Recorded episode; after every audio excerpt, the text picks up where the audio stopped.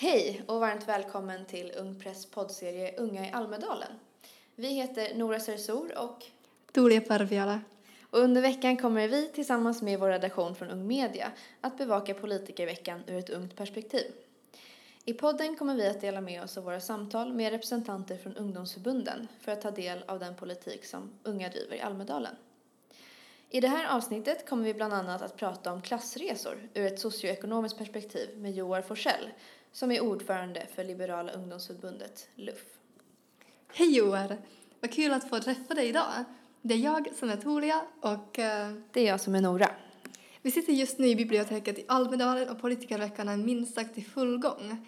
Idag, måndag den 3 juli, är det Liberalernas dag och vi är glada över att ha dig här. Till att börja med, kan du berätta lite om vad det var som fick dig att börja engagera dig politiskt?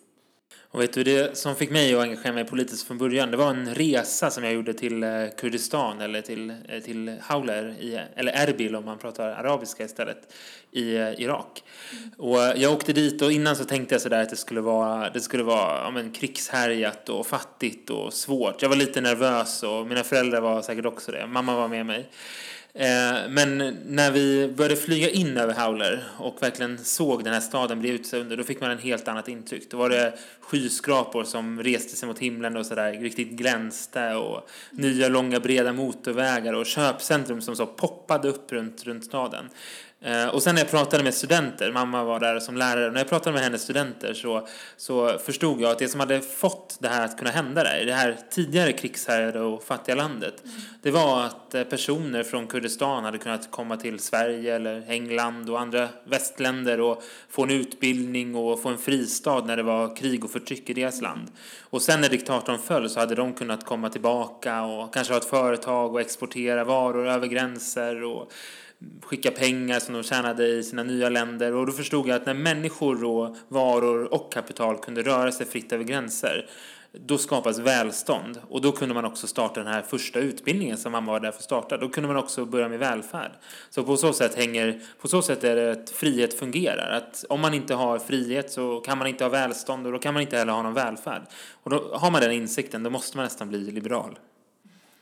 Gud, vilket intressant svar mm. och intressant perspektiv. Eh, sen har jag en fråga. Du bor i Tensta, eh, som är en förort till Stockholm. Skulle du säga att det politiska engagemanget i det området skiljer sig från andra delar av stan? Absolut. Jag tror att eh, det finns helt andra behov. Jag är ju född på Södermalm i Stockholm som är en stadsdel med hög utbildningsnivå och där nästan alla föräldrar har jobb och kanske äger sin bostad.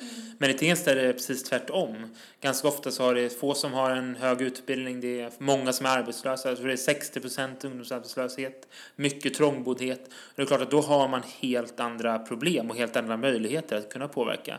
För en person som bor i innerstan och har mycket kontakter så är det lättare kanske att känna någon politiker eller känna en annan makthavare. Men det är också så att man inte behöver samma saker. Jag, min bild är att politiken idag kanske är för mycket fokuserad på de, de stora breda väljar, väljargrupperna som oftast är medelklass och har, har problem som jag kanske egentligen inte tycker, tycker är några problem. Alltså att det är svårt att få vardagen att gå ihop och svårt att hinna till fotbollsträningen och sådana saker är inte ett politiskt problem för mig. Däremot är det ett politiskt problem att, att barn eller ungdomar som växer upp i till exempel Tensta har lägre framtidstro och har lägre fram, sämre framtidsutsikter. Det är ett politiskt problem som man behöver, borde angripa med politik. Men det är inte det här andra. Det är vardagsproblem som folk får lösa själva. Eh, vi gör ju bland annat den här podden för att göra eh, politik eh, överskådlig och lättillgänglig för eh, unga. Eh, och jag tänker, hur, hur tycker du att man ska nå de här unga eh, i just sådana områden som till exempel Tensta då? Jag tror att, eh, jag tror att i grund och botten så tror jag för det första att det kan vara farligt att prata om ett ungdomsperspektiv. Jag vet att eh, ni vill göra det och det är många här i Almedalen som vill det.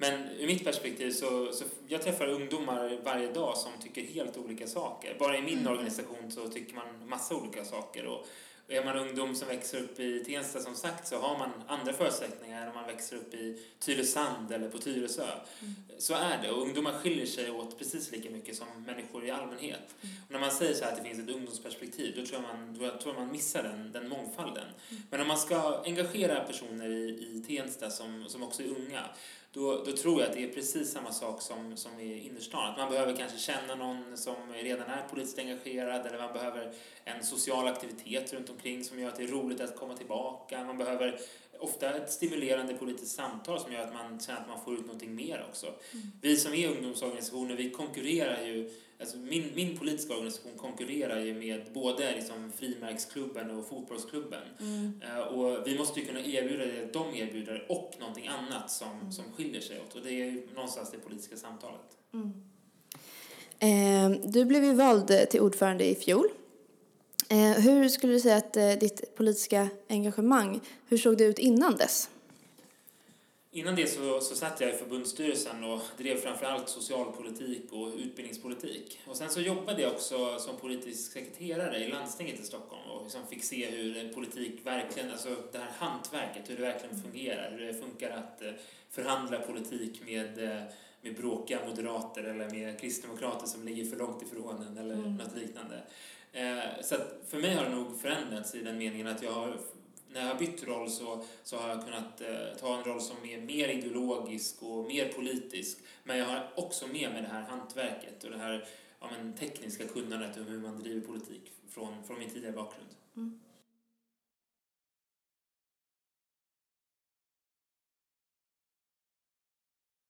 Ja, så jag skulle vara intresserad av att höra varför enligt dig är LUFA det bästa ungdomsförbundet, kanske just för unga? Jag tror att vi är eh, kanske både snällast och smartast. ja, men I grund och botten så, så är vi väldigt eh, inkluderande. Jag tror att man, man kan komma till LUF lite oavsett hur man är och hitta en, hitta en fristad från eh, pressen i skolan eller liksom från den sociala pressen från sitt kompisgäng. Och i, I LUF kan man verkligen få, få vara vem man vill. Någonstans så någonstans så, vi säger nog ibland att så här, luften är fri, lite, lite så fyndigt och att Luff är på något sätt också ett frikort att få säga precis vad man vill. Vi är väldigt fria i tanken och så. Mm. Vi, från början så kommer Luff från en studentförening i Uppsala som heter Verdandi, eller som hette Verdandi. Och det var en sån en liberal förening som startades i kontrast och i, som en motpol mot konservativa föreningar. Och där Verdandi tyckte att man skulle få kunna diskutera vad man vill och kunna prata om vad man vill och de ville verkligen ifrågasätta sanningar som tas för givna av folk.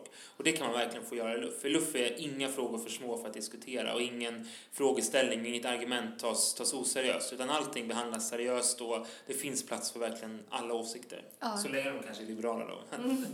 Vilka sanningar skulle du säga att ni ifrågasätter just idag? Jag tror att vi, en, en sanning som, eh, som kanske har blivit uppmärksammat att vissa i vår organisation har ifrågasatt tidigare var ju tidigare så jag tror det var ett, ett, var ett var distrikt som hade en motion som kunde tolkas som att de var för Eh, att de var för att syskon skulle få ligga med varandra till exempel. Och det är så extremt då, eh, och lätt att göra media på, eh, lätt att göra media på grej. Mm. Det är ingenting som vi driver eh, och det är ett som ett enskilt distrikt har tagit ställning för. Men det är ett bra exempel på att vad som helst får diskuteras. Men om man ska säga någonting där vi verkligen bryter mot bilden, då skulle jag säga att vi, det här med att vi pratar om klass eller social rörlighet eller klyfta, vad man kallar det för, trots att vi är ett borgerligt ungdomsförbund, trots att vi egentligen i grund och botten är höger, mm. det tror jag verkligen bryter mot vad människor tycker och tänker och mm. tror att borgerligt ungdomsförbund ska vara. Mm. Eh, om man är då ung eh, och lyssnar nu eh, och kanske är engagerad sedan innan eller vill bli det Eh, vad skulle du säga nu med din erfarenhet är den största utmaningen med att vara just ung och engagerad? Ja, men den största utmaningen är nog att det inte bara för oss som det är konkurrens med andra saker. Det är klart att det eh, Eh, det är svårt om man ska börja med en ny aktivitet som är en gång i veckan eller en gång varannan vecka att få, få det att gå ihop helt enkelt. Eh, och det tycker, jag är, det tycker jag är det härliga någonstans ändå med en ungdomsorganisation som LUF eller säkert de andra ungdomsförbunden också. Att man, man kan komma på någon grej ibland och dyka upp när det är ett ämne som ska snackas om som är intressant. Och sen så kommer man säkert så småningom få nya vänner och dras med.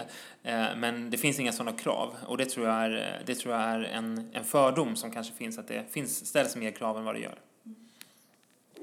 Har ni märkt att det fanns något ämne, något samtalsämne som eh, lockar mycket mer folk på era möten än någon annan?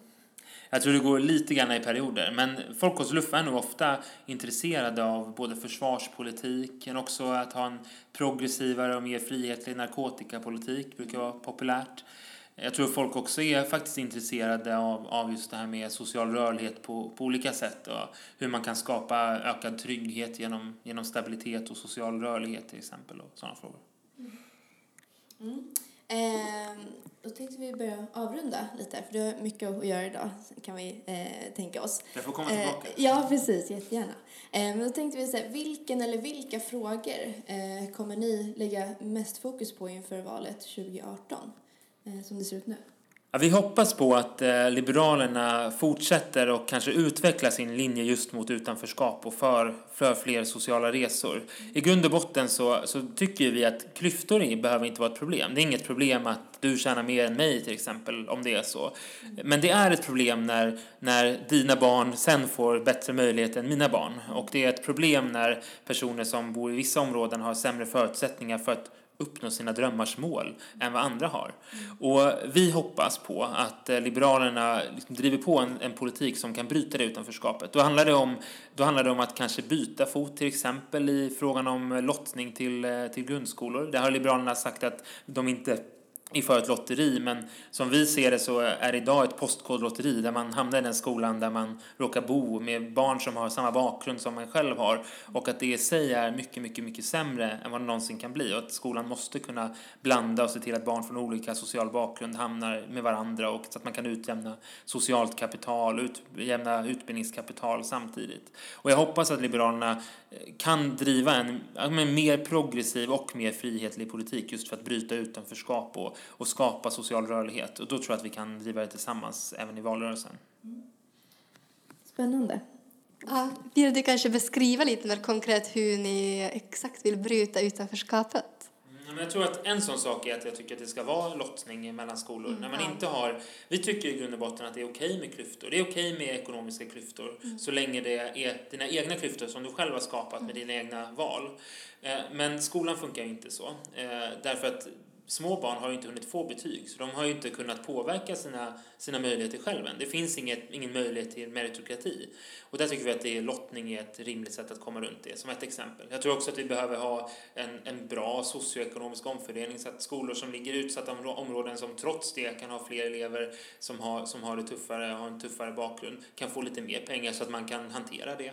Jag tror att eh, vi måste våga prioritera i välfärden generellt så att resurser riktas till de som behöver det och inte till de som inte behöver det.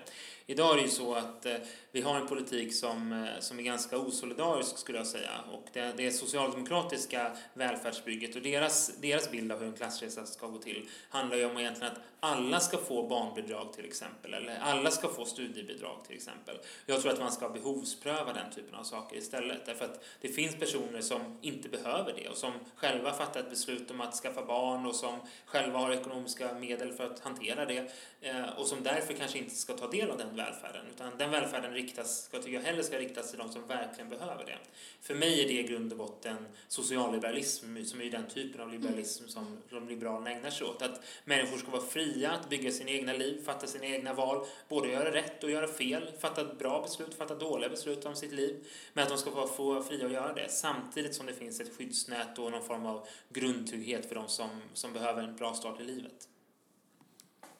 Ja, Um, ja, en fråga till. Men många säger att, att det är anledningen till att de som liksom är lite mer välbärgade, anledningen att de ska fortsätta rösta och vara nöjda med våra demokratiska system är att de också får del av de där bidragen som finns.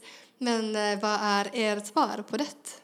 Mitt svar är att återigen att det, det viktiga är att utjämna skillnader i början på livet. Sen kan människor, som jag sagt tidigare, fortsätta i sitt liv hur de vill, fatta dåliga och bra beslut och hamna på olika ställen i livet. Och har, man lite, har det gått lite bättre, man kanske har fått lite mer pengar eller har bättre socialt kontaktnät eller har mer utbildning eller mer bildning, vilket kapital det nu än är. Om man har hamnat lite bättre så finns det nog andra saker man kan göra. Jag tror att ett, vårt system skulle man kunna till exempel sänka skatten ganska mycket därför att inte, det, ska, det behövs inte lika stora, stora bidrag som går ut. Eh, och det kan ju vara en morot för de här väljarna att fortsätta rösta, att de kan få lite större ekonomiskt svängrum själva. Ja, och slutligen skulle vi vara glada om vi fick höra ditt bästa Almedalen-tips. Och mitt bästa Almedalstips är, det är nog faktiskt att inte gå på precis allt. Alltså boka in kanske ett mingel per kväll eh, och gå på bara det så att man inte behöver hatta runt mellan massa olika saker. Eh, jag brukar själv hamna i den fällan och det, det blir aldrig kul när det blir så uppstyckat. Ja, då får vi tacka dig så otroligt mycket för att du tog dig tid att komma hit idag. Det var superkul att höra dina tankar och, eh, ja, kring ditt engagemang i stort. Tusen tack. Tack. Tack så mycket. Tack.